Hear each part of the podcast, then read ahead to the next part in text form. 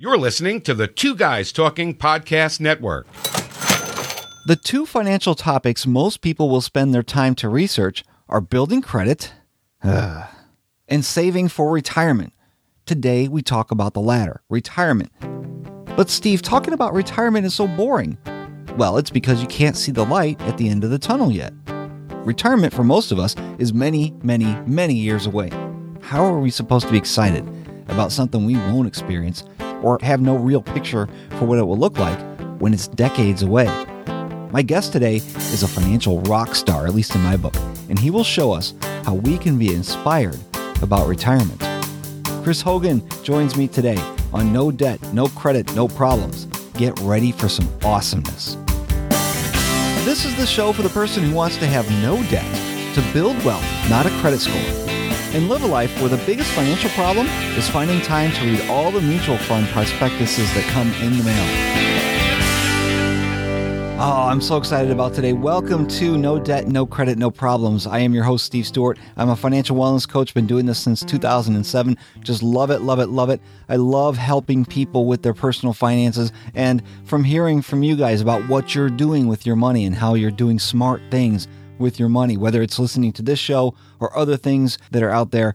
I love to hear about people making the right moves with their money, and I'm hoping this show will help educate you in all different types of things that have to do with personal finance. I don't sell insurance, I don't sell investments. I'm just here to educate and uh, that's what my coaching service has always been about since 2007. There's three segments for today. Actually, there's four. Usually there's three. The first segment is always an interview or discussion on a financial topic, product, or service. In our first segment, we're going to talk with Chris Hogan. He's one of Dave Ramsey's speakers. We're going to talk about retiring inspired. Then, in our taxes with Andy segment, we'll talk about the differences between credits versus deductions. And then, in our Habits of the Rich challenge, we're going to find the four destructive money habits of the poor that we need to avoid. And then at the very end, I'm going to have a bonus segment where I will answer a listener's question Is it better to go Chapter 7 bankruptcy or settle your debts once the credit cards have charged them off? It's a very weighted and very important question that I need to take the time to answer in detail. So here we go, on with the show. Several years ago, in fact, uh, it's technically seven years ago, in the year 2009, I went down to Nashville and I completed Dave Ramsey's counselor training. One of the instructors there blew my mind, not just in the way he presented the materials, which was incredibly gentle and wonderful and, and uh, with authority, but also his backstory. His name is Chris Hogan. He's one of Dave Ramsey's personalities, and he just released a book called Retire Inspired. It's not an age, it's a financial number. And he agreed to come on and talk with us today. Chris, welcome to the show. Well, thank you for having me, Steve. It's a pleasure to be with you. You released your book, Retire Inspired. In fact, I've got a copy in my hand right now and about ready to go through it. Uh, actually, I, I've downloaded the audiobook because, and, and I'm so glad that you read it yourself. Thank you. I think everybody wants to write a book, and I know it took you a little while to put this one together. So, can you tell us what inspired you to, well, write Retire Inspired? Sure. Well, as my years as a financial coach, sitting with people kneecap to kneecap, I was always kind of walking people through different scenarios, but I was always pointing them to the dream. I wanted them to look and, and see things bigger and better than they currently were right now. Just tapping into that inspiration because I know when you get inspired, that's when change can happen. And so I started looking at this and walking through all the stuff you have to do financially and trying to prepare for my own retirement of digging down deep into it and I realized there was a lot of areas a lot of nuances and and and it was all about timing and having a clear plan. I found myself had a little bit of fear. Am I making the right choices? Am I moving in the right direction? I started thinking of all the people that I coached that they had that feeling as well. And so what I wanted to do was to be able to show people how exactly I coached myself and moved my family in that direction to make sure we were on solid footing and really trying to live our dreams instead of just having this feeling of regret and guilt hanging on to us. You said you you had a fear back then. I'm assuming that it's subsided by now and I think I know why, but I'd like you to talk to the listener out there who who what what is it that causes us to fear that ultimate day of retirement? For me, it was the fear of, am I taking the right steps to put my family in the right position? I wanted to make sure I was setting them up for success. And I think fear is a very real thing, Steve, because a lot of people look at it and they're not sure what they're going into for a lot of people, they see retirement as the end. And one of the things I talk about in the book is retirement is not the end. Retirement is the beginning of the best years of your life. Like if you've done it right, you're going to have more of two things than you've ever had before in your life. You're going to have more time and more money. I want people set up to be able to enjoy that, not be fearful of it. What is the true definition of retirement? I think it's being able to move from the phase of the things you have to do where you're able to then move into a phase of doing the things that you want to do. And I think that want to do is not only for yourself and your family, but also for your church, your community, for the for the world. And I think when people are able to do the things that their heart desires, everybody awakens. Everybody feels good because we know the best thing we can ever do with money is to be able to be a giver. So when you say we want to retire inspired, where does the inspiration piece come in? Well, I think the inspiration piece comes from two areas. Uh one being tapped into your dreams. Realizing there are things that I want to do with for myself, for my wife, for my family and moving in that direction. But I think the inspiration also comes from knowing that you have worked hard. You've stayed focused, you've sacrificed And now you're moving into this realm where you're trying to be a giver. And maybe that's with your time, your talent, or with your money, but being able to make that impact with other people. In high school, I had a great mentor. I had a few of them actually in my hometown. But one of the guys that that I would hang around with most was a, a plumber uh, out of Kentucky. And he'd been in business for like 30 something years. But the opportunity to sit with him and have lunch or breakfast, and he was in no rush. Why? Well, number one, he worked because he wanted to, not because he had to.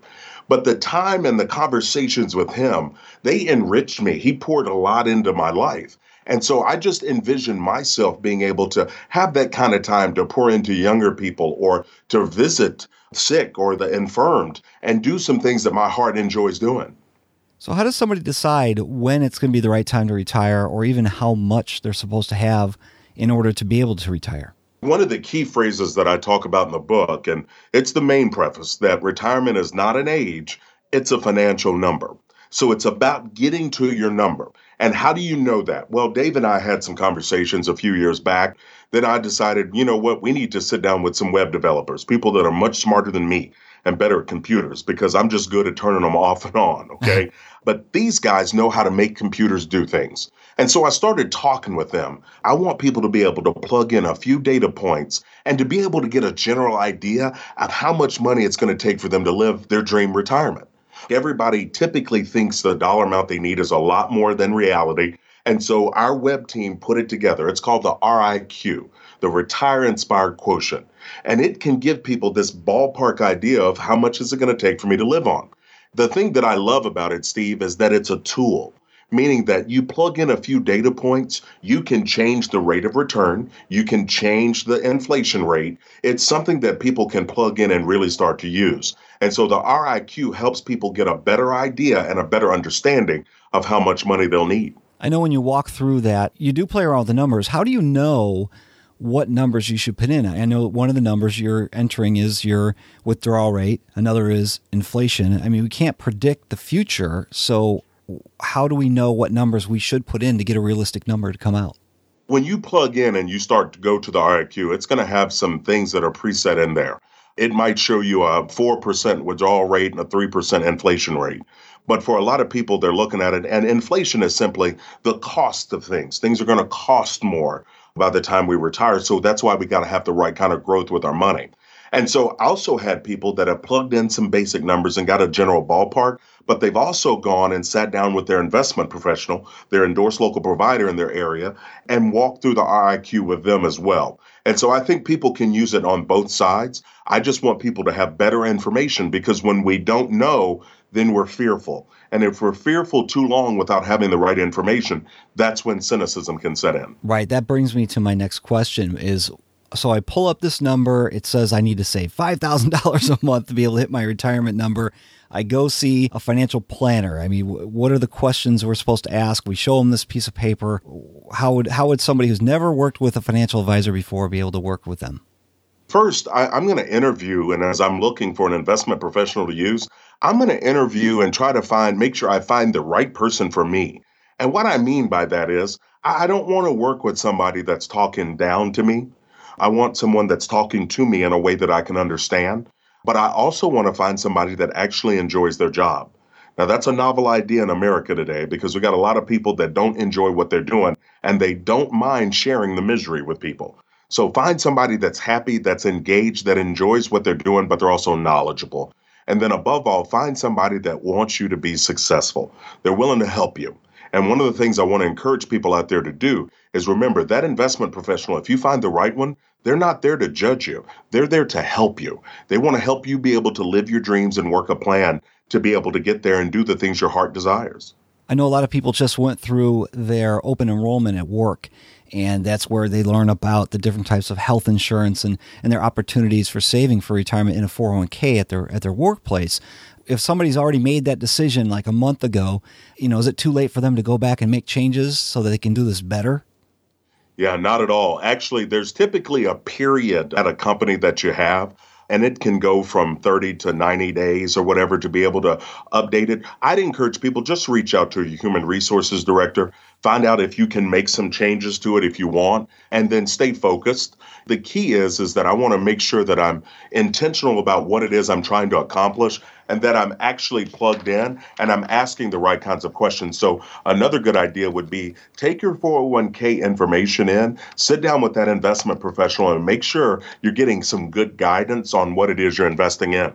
Yeah, I uh, actually I remember when I was it, it was the early 80s or mid no, it was late 80s, excuse me. I'm not that old. Where uh I had an employer and they sent me to this seminar and we drove, you know, an hour to get there and and uh some lady was talking about these retirement plans that our work was facilitating and I was lucky enough to be able to sit and learn about that and I was lucky that they forced me to go to this meeting cuz I really didn't have any interest at the time and I can't say that I made some great investments, but I did get started early. Yes. So I've got that working on my side. But what would you say to my listener who hasn't put anything away yet and maybe they're in their late 40s and they're paying for their kids' college or cash flowing that that bill right now? Yeah. Uh, one of the most important things, Steve, I want to tell someone in that position, if they've done nothing thus far, that it is never too late to do something. It is not too late. I don't care what commercials have told you or what someone else has told you. I'm here to tell you it is never too late to start to make some changes.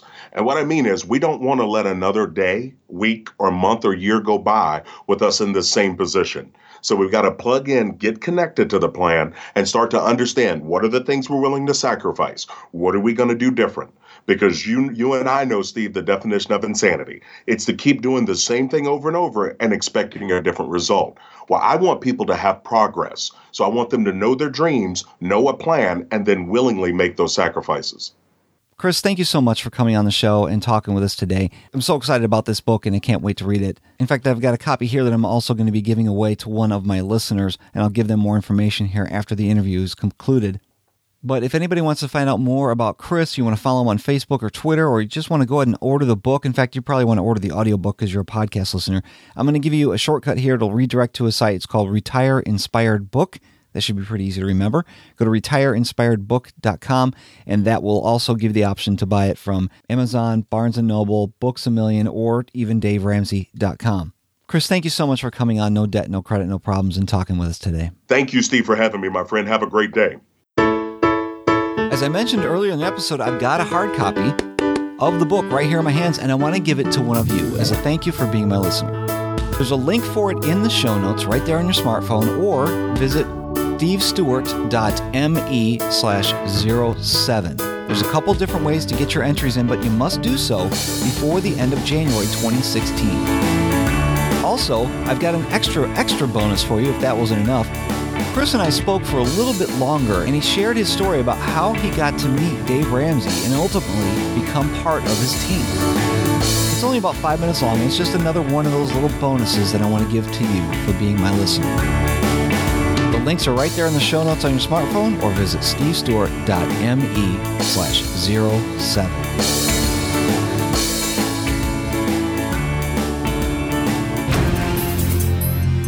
The Two Guys Talking Podcast Network is proud to have Steve Stewart's new program, No Debt, No Credit, No Problems, as part of our library.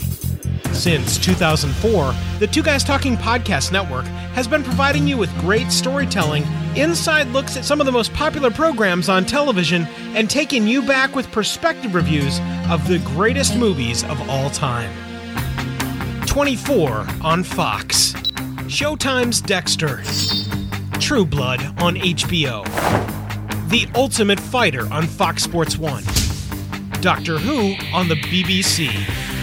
ABC's Marvel's Agents of S.H.I.E.L.D.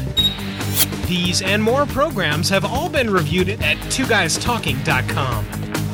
Those of you looking for unique perspectives, great storytelling, and profound perspectives not only on entertainment, both in television and feature films, but in skill sets and experience of all kinds be sure to tune in to twoguystalking.com. That's the number 2 guystalking.com. A new home to Steve Stewart's no debt, no credit, no problems. Only at twoguystalking.com. It's a new year, it's a new beginning, and we're just months away from tax day.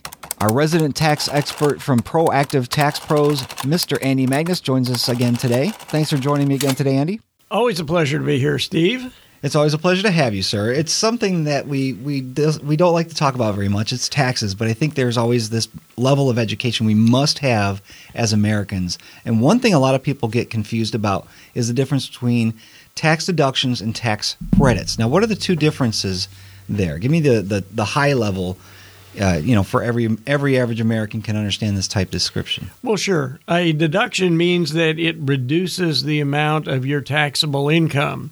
So, depending on how high your income is or how low your income is, it may or may not save you tax. So, a tax deduction if you're in the 25% tax bracket, you spend $1,000 as a deductible expense – you save $250 in tax, 25% of 1000. If you have a credit, a $1000 credit gives you a $1000 reduction in your tax and therefore you get a $1000 on your taxes.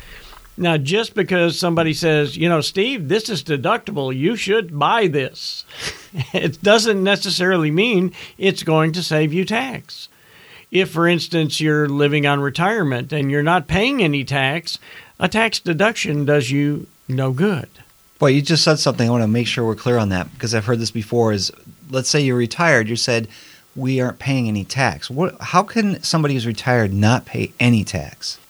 Social Security, depending on whether or not what your other income is, may not be taxable at all. So it could be that you have dollars coming in that is not taxable income.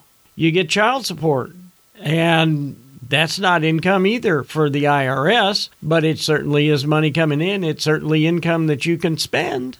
All right, now this discussion just turned into a tax return because we just went way off of the main page onto a completely different topic. Let's get back to this whole discussion of credits versus deductions. Sure. I want to make sure that we're crystal clear and it makes it easy for everybody to understand Uh, I'll tell you what, why don't we give them an example of deductions? For an example, if we had somebody who made $50,000 or we'll just start with that's their modified adjusted gross income. Well, you know, we're we're going to get into acronyms that people who are driving are probably going to be pulling their hair out on, but uh we then decide at that point, hey, we've got a mortgage. We can write off the interest and get a deduction. And that of course is provided if we've got enough deductions to make it make sense. Correct. Okay, so if I've got $10,000 worth of mortgage interest, and I've also paid $3,000 in uh, real estate taxes. That's $13,000 that I can reduce my $50,000 by to bring me down to $37,000. Correct. And that would be if that was all that it was, then my taxes would be based on on that, the 37.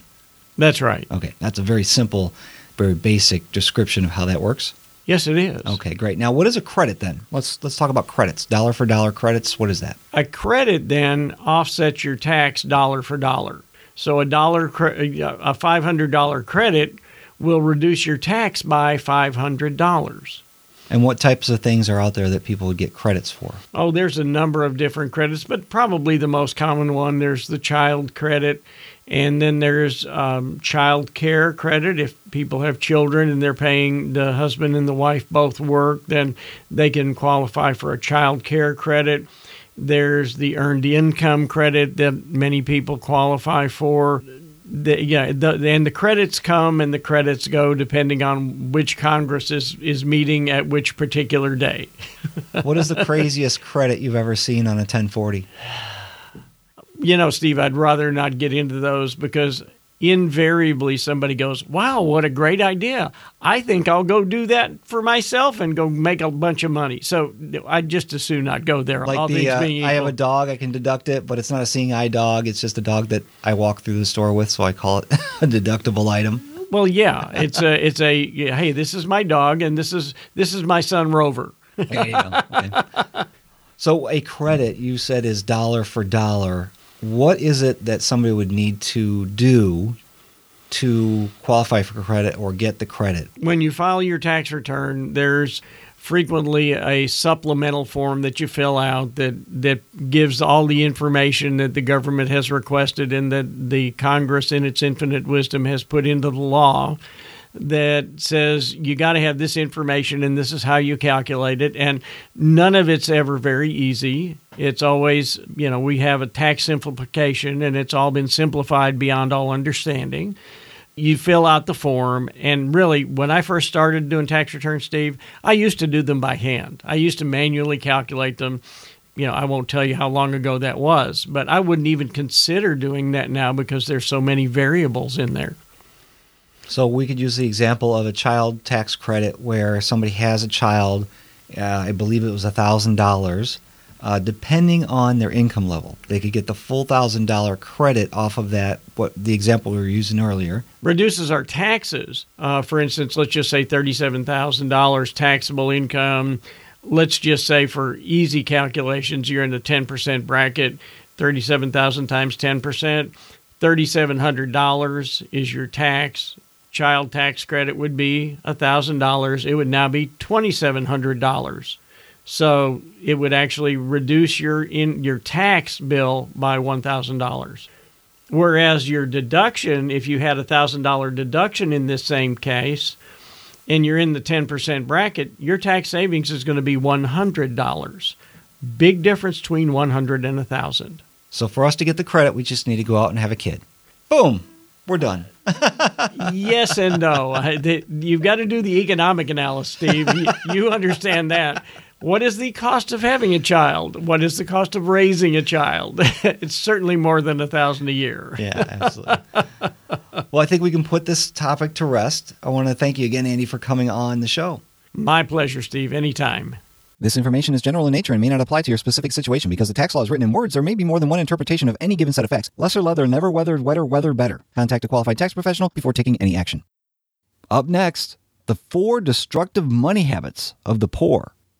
Are you addicted to hot sauce, spicy foods, mouth-watering barbecue, chili peppers, or buffalo wings? Well, have I got something for you. This is Scott Roberts, host of the weekly Firecast, a foodie podcast on the Two Guys Talking Podcast Network that features the best of fiery foods and barbecue. Whether you like cooking over fire or enjoy cuisine that feels like fire in your mouth, there's something in it for you. So tune into the weekly Firecast at twoguystalking.com and savor the burn. This is Ryan Roten for the brand new You Show podcast. You are listening to Steve Stewart on No Debt, No Credit, and No Problems. Tom Corley, the author of Rich Habits, spent five years studying poor people. And one of the things he found are these four destructive money habits of the poor. Here's one of his articles from richhabits.net. Your money habits can make you rich or put you in the poorhouse. According to a study by Brown University in which nearly 5,000 families were surveyed, most of the habits we pick up in life come from our parents. This includes money habits. If your parents had bad money habits, it is likely those habits rubbed off on you. But in order to change bad money habits, you need to first become aware of them. The first is gambling habits. Gambling as a means to lift you out of poverty is not a plan. Gambling relies on random luck. 77% of the poor admitted to playing the lottery regularly versus 6% of the rich. But it's not just the lottery they gamble their money on. 52% of the poor admit that they gamble in sports at least once a week versus 16% of the wealthy. The second destructive money habit are time-wasting habits. Time is money. The rich understand this. 65% of the rich created at least 3 streams of income during their lives – Conversely, the poor all relied on one stream of income. They didn't invest their time wisely into building their careers or building a side business. In my studies, this is again Tom Corley writing this, I uncovered many time wasters the poor engaged in that ultimately cost them money. 77% of the poor admitted to watching more than one hour of TV each day, and their preference? Reality TV wins hands down. 78% of the poor watch reality TV shows. The rich, on the other hand, are not big on TV. 67% watch less than an hour each day, and it's not reality TV that they tune into. Only 6% watched reality TV. Another time waster is the internet. 74% of the poor in the study spent more than an hour each day on the internet. In these days, that means Facebook, Twitter, Instagram, Snapchat, or YouTube. Conversely, 63% of the rich spent less than an hour each day on the internet. This freed up more time to read for self-education. While many of the poor in the study said that they did read regularly, 79% admitted that they read strictly for entertainment. Only 11% of the rich said they read for entertainment. Instead, they focused their reading on self-education, biographies of successful individuals, career-related reading, self-help, history, and money matters – While you're wasting time watching TV, on social media, or reading for entertainment, it leaves less time to do productive things like reading to learn, building relationships with other success-minded individuals through networking or volunteering or building a side business, or listening to podcasts like this one. All right, I, I added that last one in there. time does not discriminate. Everyone gets 24 hours a day, rich or poor. The rich simply choose to spend their time differently, doing things that are productive. The third destructive habit, bad spending habits. The rich in the study made a habit of tracking their spending in their early days of building wealth. It's easy to lose sight of where your money is going. If you don't have a lot of money, you need to get into the habit of tracking every penny.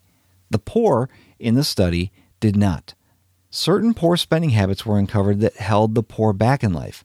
93% admitted that they did not budget their spending. 66% admitted that they were not frugal with their money. They had a bad habit of making spontaneous purchases with their money. Oftentimes, this required them to use credit cards. 88% of the poor in the study had over $5,000 in revolving credit card debt. 69% used credit cards to purchase big ticket items, and 77% had multiple credit cards. Conversely, 92% of the rich in this study relied on one and only one credit card. All right, Steve Stewart side note here, you don't even need a credit card. You can do it all with a debit card. That's what we're doing. All right, now check out this next statistic in Tom Corley's article. 88% of the poor never shopped at a Goodwill store in their lives. Yet, many Goodwill stores sell high-quality clothing. The clothes may require some minor tailoring, but otherwise you're getting real value at a steep discount. 68% of the poor said they don't use coupons. Why would you pay more for food than you have to? Every dollar you save is one less dollar you have to earn. And the fourth destructive money habit of the poor are poor savings habits. Many of the millionaires in the study started out poor and did not have large incomes during their lives. 51% were small business owners who watched what they spent in order to enable them to save money.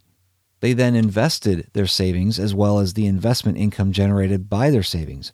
After many years, their savings and investments compounded, eventually turning them into self-made millionaires. It wasn't easy, but they did it. You can too. You just need a plan. You need to bite the bullet and save 10% or more of your income and then invest your savings wisely. Building wealth takes time. It doesn't happen overnight. It took the average millionaire 32 years to become rich. The younger you are, the more time you have to build wealth. That's only possible if you eliminate destructive money habits and adopt sound money habits. Thanks again to Tom Corley for allowing me to read his articles on this show. Let me do a quick recap of this article again. The four destructive money habits of the poor were gambling habits, not just the lottery, but also sporting events, things like that, time wasting habits, bad spending habits, and poor saving habits. We all kind of know this, don't we? We kind of know that poor spending habits and bad spending habits, they work against each other exponentially. Time wasting habits might be something that we don't realize we're doing as often, and I know that I get into some bad time wasting habits every once in a while. So this isn't a set it and forget it type of solution. It's something that we need to keep working on time after time, but I think we get into those habits like Tom Corley talks about, getting to the habits where we don't even realize that we're doing things. It's just an automatic. It's just something that we do. Tom Corley's new book is going to talk much more about how we can develop these wonderful habits and and how even our diet affects the way that our brain works and how we can form new rich habits. And here's some insider information for you as well. His new book, Change Your Habits, Change Your Life, is not quite out yet. It's it's still being reviewed by the printer, but I can tell you and this is insider information you won't hear anywhere else. The audiobook version of Change Your Habits, Change Your Life is almost finished. It's just in the final stages of getting cleaned up and then it's going to get ready for production. I will be announcing the release of the book here on a future episode when it does actually hit the street date, but if you want to get the immediate notification that hey, the book is coming out on such and such a date, make sure you sign up for my email newsletter. There's a link, of course, in the show notes, but if you want to do this right now on your smartphone, just go ahead and sign up. Go to stevestewart.me slash newsletter. You put in your first name and your email address, and that's all there is to it. Before we get to our listener email, I'd like to let you know about a couple of upcoming events. I will be speaking at the No Regrets Men's Conference on Saturday, February 6th in St. Louis, Missouri, along with keynote speaker Mike Matheny, manager of the St. Louis Cardinals, And then on Saturday, March 5th, I'll be presenting a session at WordCamp Dayton about website plugins that I use for this podcast. If you're interested in more information about either one of these, I'll have links in the show notes at stevestewart.me. You're listening to a show about personal finance, which means you're paying attention and you're more likely getting your money under control. Sometimes things happen and it just it gets away from us. And I received this question the other day And even though you may not be in this situation, maybe you know somebody who is, and this can help you to help coach them through this as well. Here's the question from Lynn Is it better to go Chapter 7 bankruptcy or settle your debts once the credit cards have charged them off?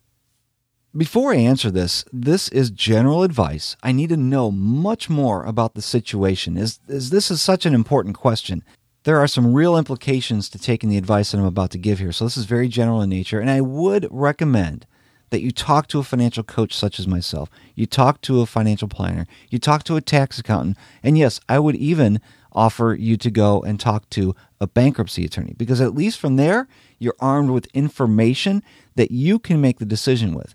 Don't get sold by anybody or anything including myself.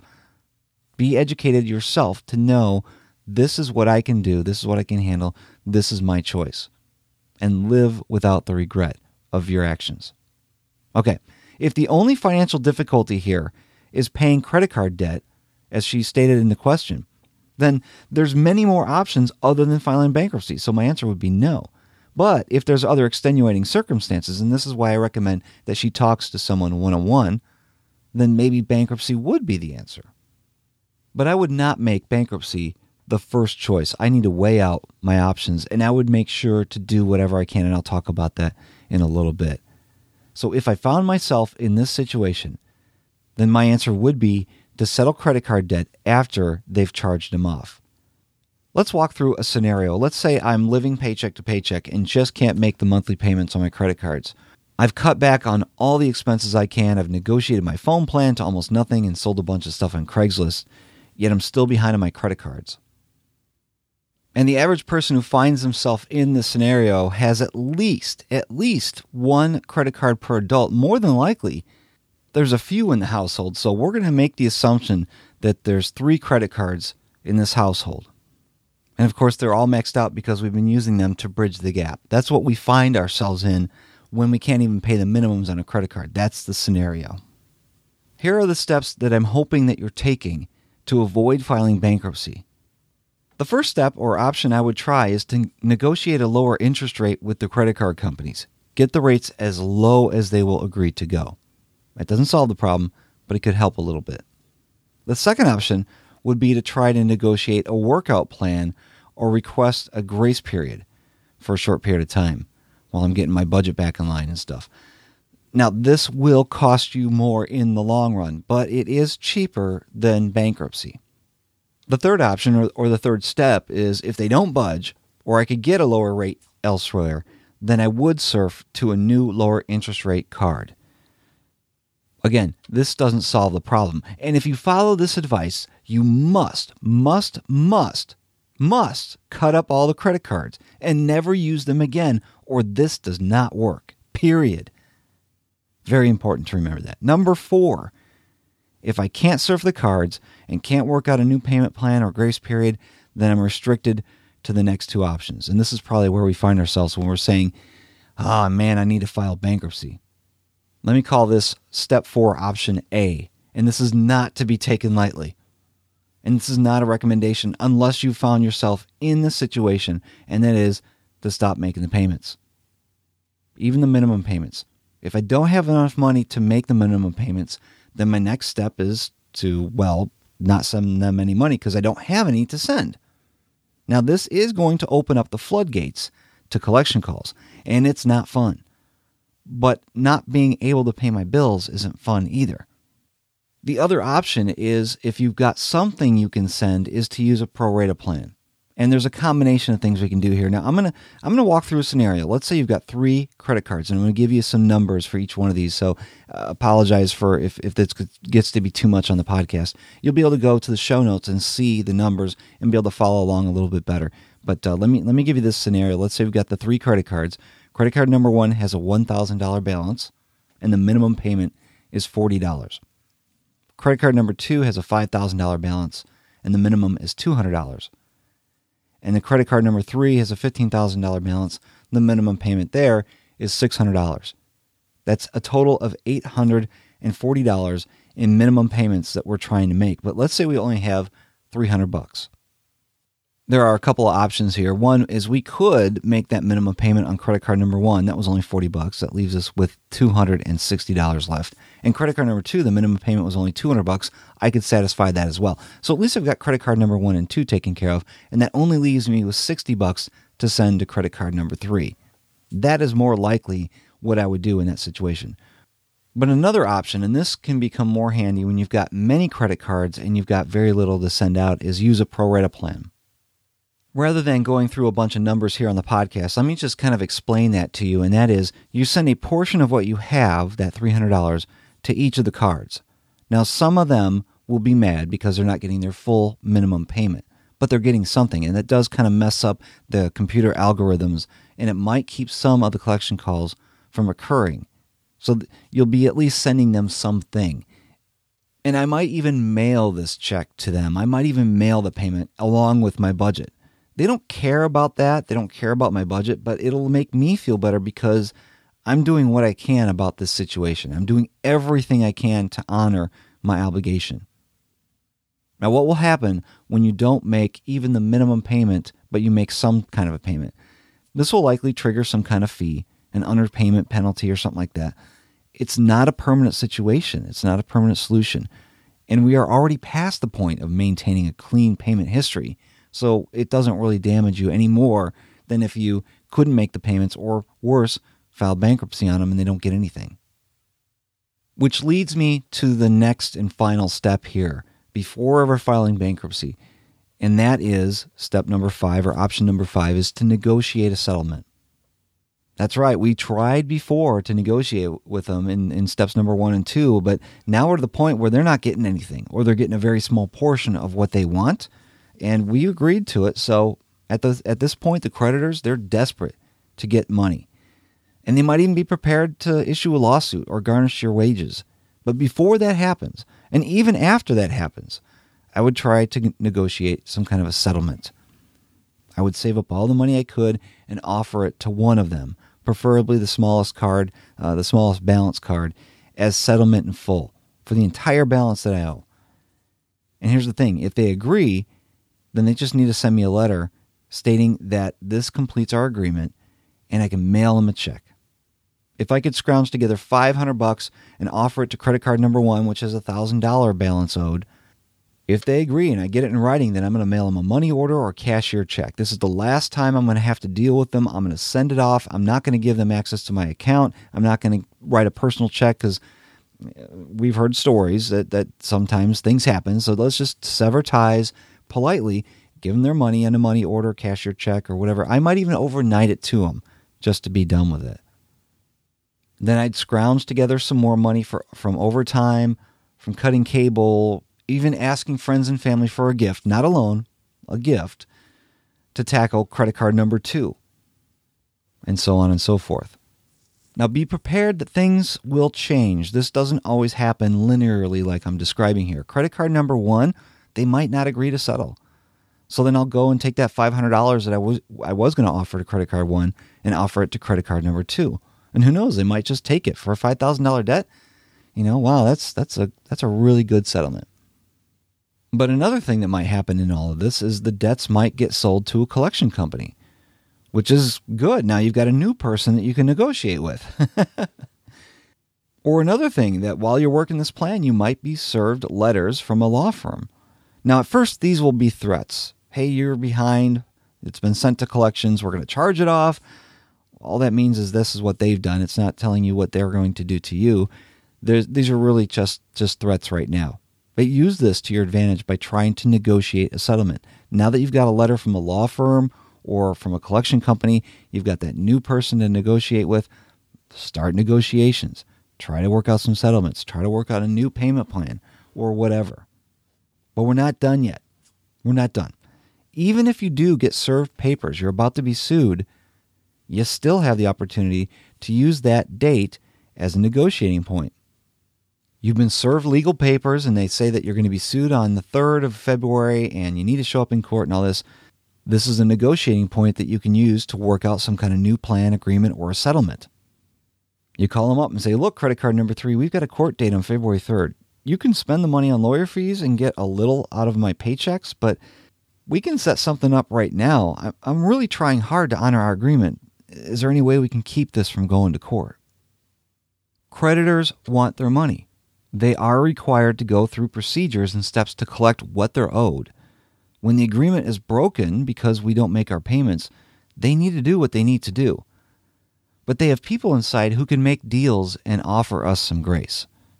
It takes patience and it takes a lot of on hold time, if you know what I mean, but it's there You just need to do the work to find the right solution.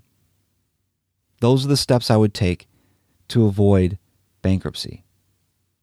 And as a final note, to get past all of this, as a Christian, I, I feel responsible to pay all my debts in full. Even if I get a negotiation or if I, I have to file bankruptcy and they don't get everything they want. Some of the strategies that I just mentioned, though, it seems like I'm trying to dodge my obligations by negotiating a lower payment plan, by negotiating a settlement, or even by filing bankruptcy. But I'm here to tell you that if a credit card company takes 50 cents on the dollar in a negotiation because they agreed to change the contract, well, you're now under a new contract. You're under a new obligation that they agreed to.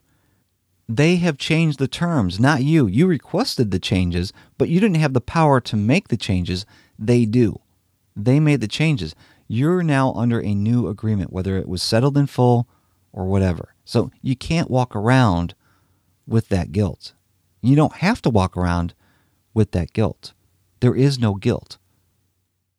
Have you ever bargained for a lower price for something, whether it's in a store or a flea market, whatever? You know, the price listed is 20 bucks. You say, "Look, I got 15. We can make a deal right now." And they say, "I'll take it." Well, the price was 20 bucks. Did you just steal $5 from them by only giving them 15? No. They agreed to that price. You negotiated the deal, and that's what we've done with the credit card companies. If we've worked out a new payment plan, we've settled maybe 50 cents or 20 cents or 10 cents on the dollar, or even if we had to file bankruptcy because there just was no other way out. Either the credit card company has agreed to take less or the bankruptcy, which is law, at least in the United States, it's a law. You know, it's you follow the law. If you honor your bankruptcy agreement, then there's a new negotiation in place there and you can't feel guilty about it. The original question here is it better to go Chapter 7 bankruptcy or settle your debts once the credit cards have charged them off? I would do everything in my power first to make sure that they never get charged off. If I've done all that, I've I've honored my agreement to the best of my abilities. And all of this is to say, try what you can and just don't give up. There's going to be a new contract in your future if you can't make the payments, if you can't make the payments in full, there's going to be a new contract. But take some control and responsibility in the situation and don't just throw your hands up in the air and let them sue you. Please don't let that happen which by the way, if they do sue you and later on you're in a better financial situation, you can go back and renegotiate the terms. Avoid bankruptcy at all costs, pay your debts, improve your cash flow, and start building wealth. It all starts with a simple money plan for paying attention, not interest.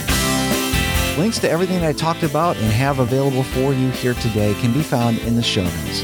I'll have links to Chris Hogan's Retire Inspired book, a link to the giveaway of his book, a way for you to listen to the bonus recording with Chris Hogan, ways to sign up for the newsletter to be notified of all upcoming episodes and announcements such as Tom Corley's new book, Change Your Habits, Change Your Life. And of course, you'll receive the Attention to Money resource guide to help you to remember when it's time to think about certain things about money so you're not wasting time thinking about money. All of that, including ways to work with me one-on-one as your financial coach, are going to be found at www.stevestewart.me. God bless you. Have a great week and keep working on your rich habits.